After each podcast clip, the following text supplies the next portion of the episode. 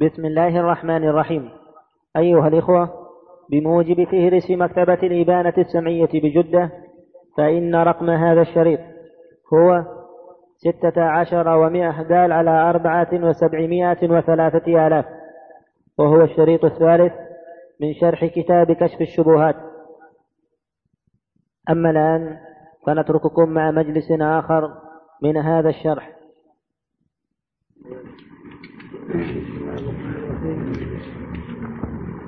اللهم صل على محمد ورحمه الله تعالى ولكن للمشركين شبهة يجوزون بها عند هذه القصة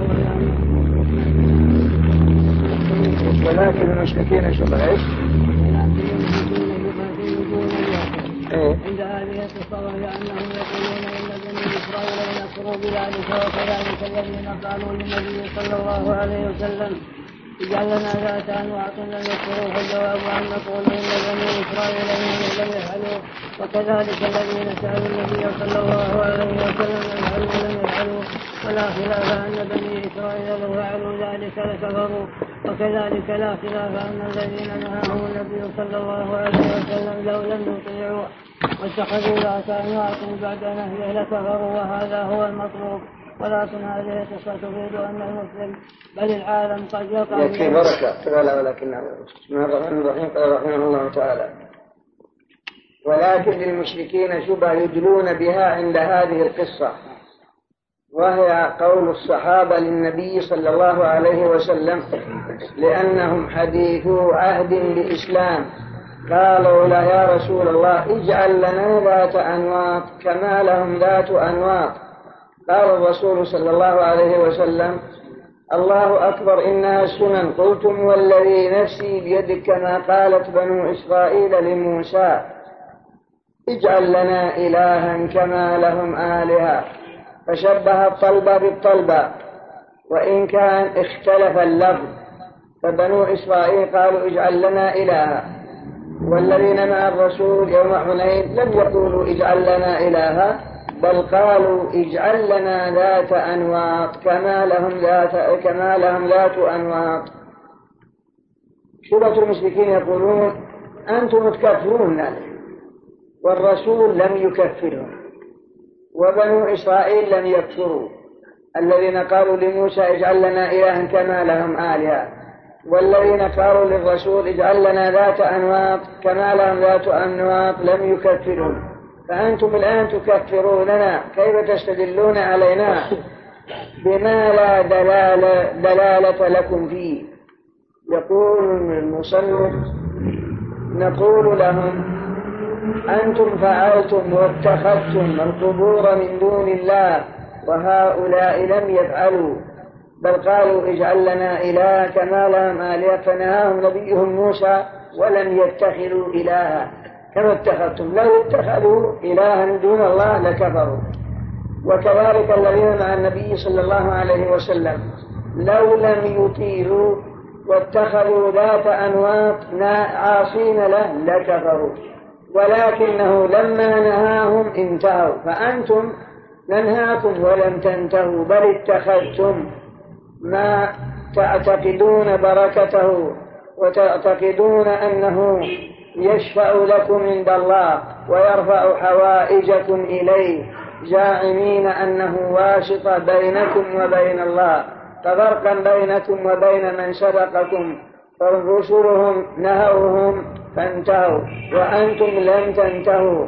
فلو لم يطيعوهم واتخذوا ذات أنواط لكفروا ولكنهم لم يتخذوا بعد نهي النبي صلى الله عليه وسلم لهم. ففرقا بين فعلكم وفعلهم وعملكم وعملهم والله أعلم. أما الآن فنترككم مع مجلس آخر من هذا الشرح. بسم الله الرحمن الرحيم. اللهم صل على محمد رحمه الله تعالى. ولكن هذه القصة تفيد أن المسلم بل العالم قد يقع قد يقع في قد يقع في أنواع من الشرك لا يدري عنها فتفيد التعلم والتحرز ومعرفتها ومعرفة أن أقوال الجاهل أن قول الجاهل التوحيد فهمنا فهمنا أن هذا من أسفل الجهل ومكائد الشيطان وتفيد أيضا أن المسلم المجتهد إذا تكلم بكلام كفر وهو لا يدري فنبه على ذلك وتاب من ساعته أنه لا يكفر. كما فعل بنو إسرائيل والذين سألوا النبي صلى الله عليه وسلم وتريد أيضا أنه لو لم يكفر فإنه يغلب عليه السلام تغليظا شديدا كما فعل كما فعل رسول الله صلى الله عليه وسلم. وله شبهة أخرى يقول بسم الله الرحمن الرحيم. قال رحمه الله تعالى وهذه القصة تفيد أمور يعني قصة بني إسرائيل. حين قالوا لموسى اجعل لنا إلها كما لهم آلهة وقول بعض الصحابة اجعل لنا ذات أنواع كما لهم ذات أنواع وش تفيد؟ يقول تفيد المسلم العالم أن الجهل بالتوحيد وعدم معرفته من أعظم الأشياء وأن قول الجاهل التوحيد فهمناه مما يدل على أنه لا يفهم. إذا كان هذا قول الصحابة والنبي بين أظهرهم وقول بني إسرائيل وموسى بين أظهرهم وما فهموا هذا فكيف تفهم بدون تعلم فالوقت يستدعي زمنا طويلا لمعرفة التوحيد ومعرفة ما ينافيه ومعرفة ما ينافي كماله من الشرك الأصغر. ومعرفة ما يقدح في التوحيد من البدع ومعرفة ما ينكس ثواب التوحيد من المعاصي ومعرفة ذرائع الشرك ووسائله الموصلة إلى التوحيد الموصلة إلى الشرك أو المقربة منه المنافية للتوحيد أو لكمال التوحيد أو القادحة في التوحيد أو المنكسة لثواب التوحيد. فقول الجاهل التوحيد فإن هذا من أكبر الجهل وأعظم مكائد الشيطان يظن أنه فهم وهو لم يفهم. فقد يتكلم بالكلمة لا يريد معناها بل على وجه الجهل.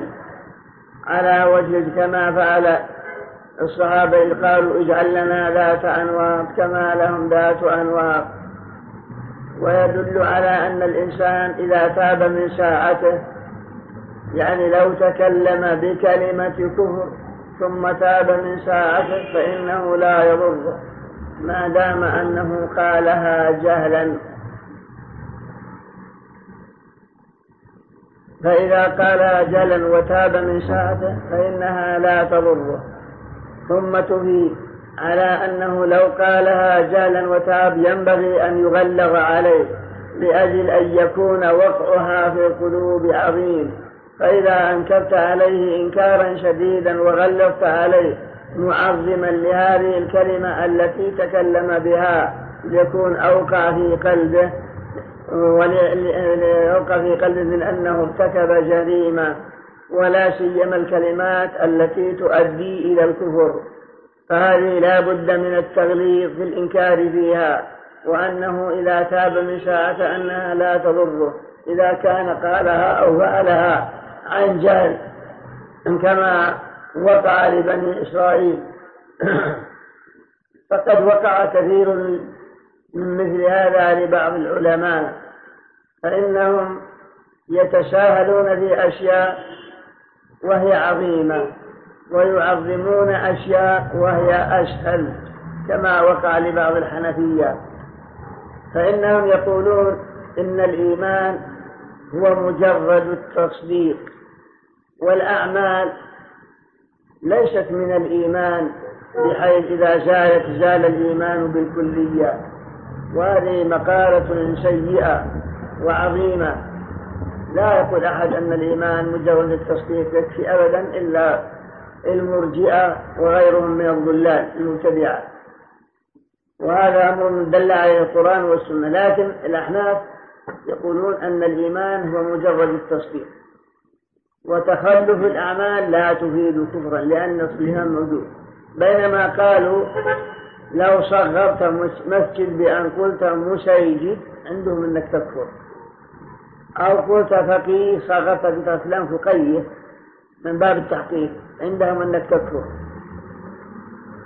ومع هذا إذا تخلفت الأعمال قالوا أن الإيمان إذا تصدق بقلبه كفى ما عندك ليش مصدق بقلبه؟ ما وأبو طالب مصدق بقلبه. عم النبي صلى الله عليه وسلم كما تدل عليه أشعاره. وإبليس معترض وفرعون مصدق بقلبه أيضا كما في قوله تعالى عن فرعون وجحدوا بها واستيقنتها أنفسهم. قوله واستيقنتها دل على أنه مصدق لموسى. وكما في قوله ولقد آتينا موسى تسع آيات بينات. فاسأل بني إسرائيل جاءهم فقال له فرعون إني لأظنك يا موسى مسحورا. قال لقد علمت هذا قول موسى لقد علمت ما أنزل هؤلاء إلا رب السماوات والأرض.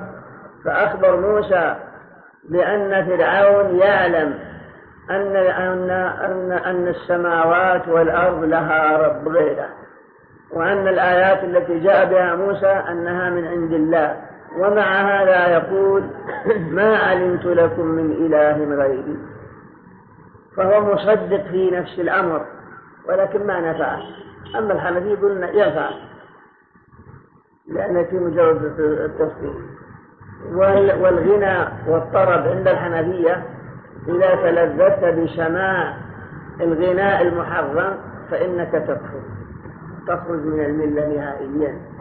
إذا انبسط وتلذذ لسماع المغنين والأغاني المحرمة التي تمت إلى الطرب والعشق والخلاعة والدعارة متى تلذذ بهذا السماء يكفر.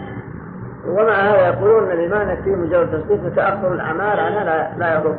فكذلك هنا كما قال المصنف العالم محتاج إلى أن يعرف شيئا من هذه الأحكام التي ربما يقع الإنسان في الكفر من غير ما يشعر. لكن إذا وقع جهلا ونبه من ساعته وتاب فالله يتوب عليه لا يختم بكفره. ثم لو تكلم بهذا الذي توجب الكفر ينبغي التغرير عليه وعدم التساهل اللي وقع الكلمة الكفرية هذه في قلبه بحيث يستعظمها ويبتعد عنها وعن القول بها أو الفعل إذا كانت تقتضي الفعل والله أعلم. أما الآن فنترككم مع مجلس آخر من هذا الشرح.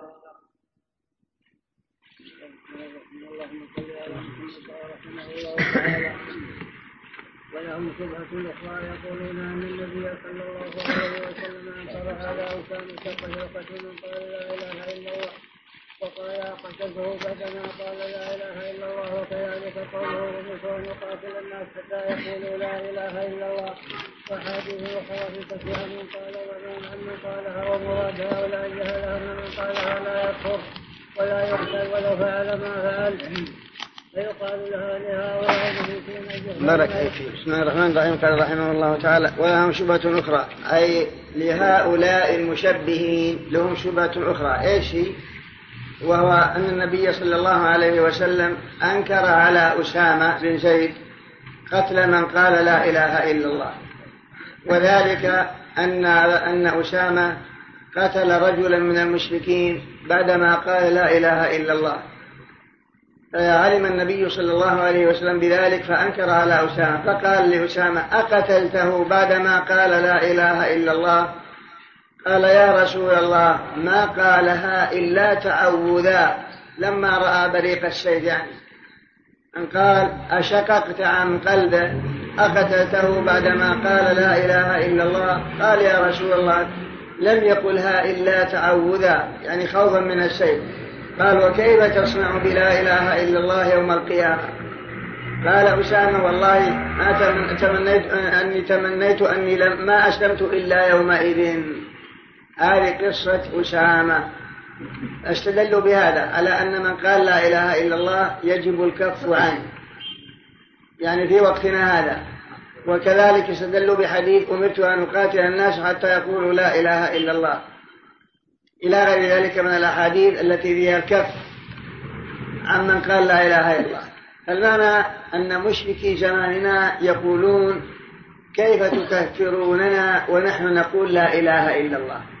والرسول أنكر على أسامة قتل من قال لا إله إلا الله وعنف عليه حتى قال لأشققت عن قلبه وقال لك كيف تصنع بلا إله إلا الله يوم القيامة؟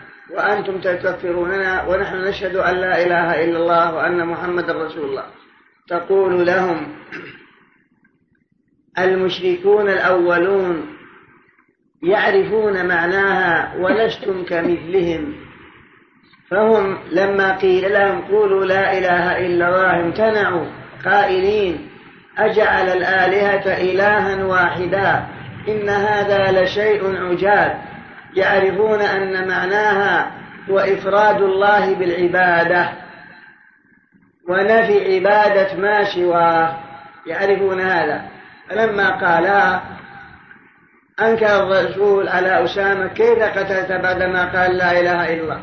بل ينظر هل يأتي بما يخالفها ويناقضها أم لا؟ هذا المعنى. وحديث أن أقاتل الناس حتى يقولوا لا إله إلا الله. كيف إذا قالوها عصموا مني دماءهم وأموالهم إلا بحقها. دل على أنه لو قالها إذا خالف حقها أو ناقض حقها أو لم يأتي بشيء من حقها فإنه يقاتل. فمشركو زماننا بل اليهود والنصارى يقولون لا إله إلا الله ومع هذا لم تنفعهم لأنهم يبطلونها. فهم يعبدون القبور بالنسبة إلى مشركي هذه الأمة. يعبدون القبور يعبدون الصالحين يسألونهم المدد من دون الله يجعلونهم وسائط بينهم وبين الله. فهم لم يعملوا بلا إله إلا الله بل ينطقون بها لفظا ويخالفونها معنى وفعلا. فما نفعتهم. أما قصة أسامة فهذا الرجل لم يقلها. لأنه يعرف معناها وأنكر عليه الرسول قتله. بل ينظر هل يؤدي معناها؟ فنعم لأنهم يعرفونها ويعرفون ما دلت عليه بخلاف أهل زماننا. ثم هم يقولون لا إله إلا الله ويزعمون أن لله صاحبة ويزعمون أن لله ولدا ويسبون الدين الإسلامي وهم يقول لا إله إلا الله. من لا تنفعهم؟ من جنس الإنسان الذي توضأ ثم قام يصلي وأحدث فهل تنفعه صلاة مع وجود الحدث؟ فكذلك لا تنفعه لا إله إلا الله مع وجود الحدث الذي ينافيها وهو الشرك بالله أو أنه جاء بما يناقض لا إله إلا الله والله أعلم. أما الآن فنترككم مع مجلس آخر من هذا الشرح. بسم الله الرحمن الرحيم.